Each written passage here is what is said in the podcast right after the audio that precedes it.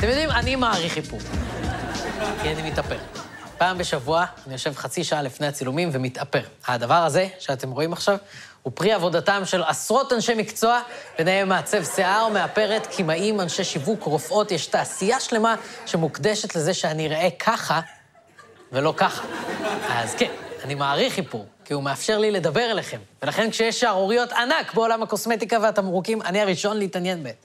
והשבוע פרצה שערורייה כזאת, והיא מעניינת במיוחד, כי בעיניי היא משקפת באופן מושלם את כל מה שדפוק בחברה הישראלית בשנים האחרונות, ובאופן שבו אנחנו מתייחסים למושג האחריות. והכל מתחיל בשפתיים של אלין כהן.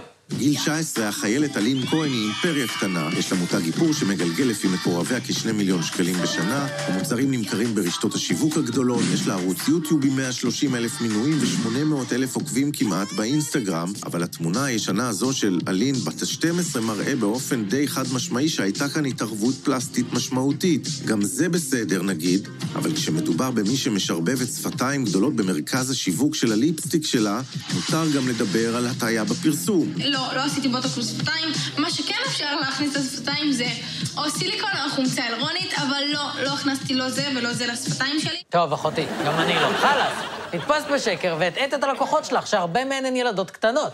את לא יכולה להזריק חומצה היאלורונית לשפתיים, להסתיר את זה, ואז לשווק שפתון שכאילו עושה שפתיים עבות. באמת שאם הבת שלי הייתה קונה מוצרים שלך, אני הייתי מתחרפן עכשיו, אבל למזלך היא עוד קטנה ומעדיפה את המראה הטבעי. עכשיו, הייתם מצפים, הייתם מצפים שאחרי ששקר כזה נחשף, אלין כהן ומשפחת כהן, שעובדת כולה בעסק המשפחתי, יתנצלו, יבהירו, יפנימו את הביקורת. אם לא בשביל הלקוחות שהן הטעו, אז אפילו מהטעם האנוכי של צמצום הפגיעה במוניטין של החברה, אבל לא. מה שקרה זה שאלין כהן פצחה בסטורי של האשמות, התחמקויות והתקרבנות, שנגמר בציטוט של רונלדו, האהבה שלכם מחזקת אותי, אבל השנאה שלכם הופכת אותי לבלתי ניתן לעצירה. משפט שהוא אמר אחרי הפרשה שהתפוצצה, שבה הוא התברר כמי שמזריק חומצה היאלורונית. ואימא של אלין כהן, מירי כהן, המבוגר האחראי בסיטואציה, שיתפה את 189 אלף העוקבים והעוקבות שלה בזה. כל השנאת חינם וכל הרוע הזה והעמוד הזה שנפתח וכל התמונות שאתם מעבירות מאחד לשנייה, תגידו, מי פה לא עשתה שפתיים? אני לא מבינה מה אתם רוצים מהבת שלי, באמת, מה אתם רוצים? לאן אתם רוצים שזה יגיע? איפה כל העמודי תקשורת שעושים שיימינג עכשיו ברשת על הבת שלי? העמודי תקשורת פתחו פתח לשיימינג על הבת שלי. אני רואה את התגובות שאני אומרת, אלוהים ישמור, הילדים שלי, לא חינכתי אותם לרוע כזה, מאיפה הרוע הזה מגיע? מי, מי, מי האנשים האלה? מי עומד מאחורי... מי, מי מקליד? אני לא מבינה. כן, מה שמירי כהן והסירה שלידה לא מבינות, זה לא מי מקליד. זה משהו הרבה יותר בסיסי שפשוט הלך לאיבוד בחברה שלנו. יש דבר כזה שנקרא דין וחשבון, ויש מצבים שבו את חייבת אותו לאנשים. הבת שלך, לדוגמה, לא יכולה לזגזג בין להיות אשת עסקים ממולחת, לבין להיות ילדה מסכנה שכל ביקורת עליה היא שיימינג. והדבר היותר חשוב פה, וזה הנושא המרכזי שלנו הערב, זה שאי אפשר לפשל, לרמות, לשקר, ואז לטעון שהביקורת היא שנאת חינם, וזה דבר שלא מפסיק לקרות בישראל. זוכרים את המקרה של משפחת זהבי? שבוע שעבר הגיעו לביתם של בני הזוג שוטרים, אחרי שהשכנים התלוננו על רעש חריג במסיבה.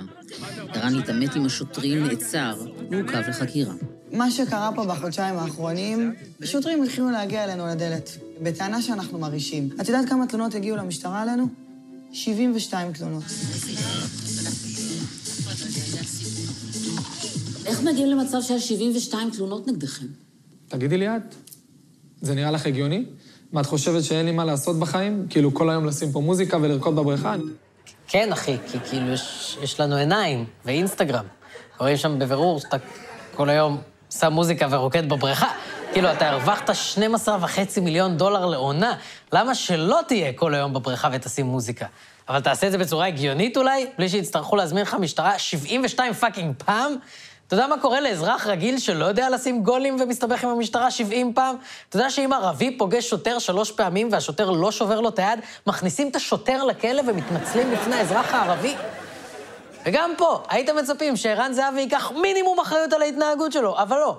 זה מה שהיה לו להגיד אחרי שעצרו אותו במפגש ה-73 עם המשטרה. בסדר גמור. שבת שלום, תודה לכולם על הדאגה.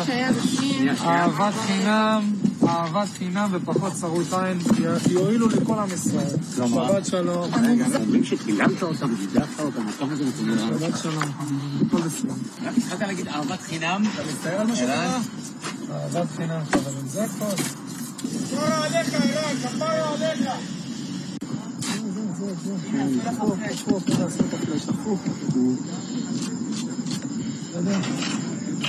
כבר עליך. אוקיי, אני חייב להגיד שכן ליבי יוצא לרן זהבי, שהוא חי במדינה שבה הכדורגלן הכי טוב צריך לצאת ממעצר ולהסביר למישהו איך עושים סלפי עם הפלאש. אבל מה הקשר לאהבת חינם ושנאת חינם? אחי, רבת עם שוטרים שבאו אליך פעם אחרי פעם, ואתה המשכת לא לשים עליהם. בגלל זה אתה במעצר, בגלל ההתנהגות שלך, וזה בסדר, כולנו עוברים על החוק מדי פעם. כולנו עושים דברים לא בסדר, אבל אם תפסו אותך, סתום את הפה ותמשיך הלאה.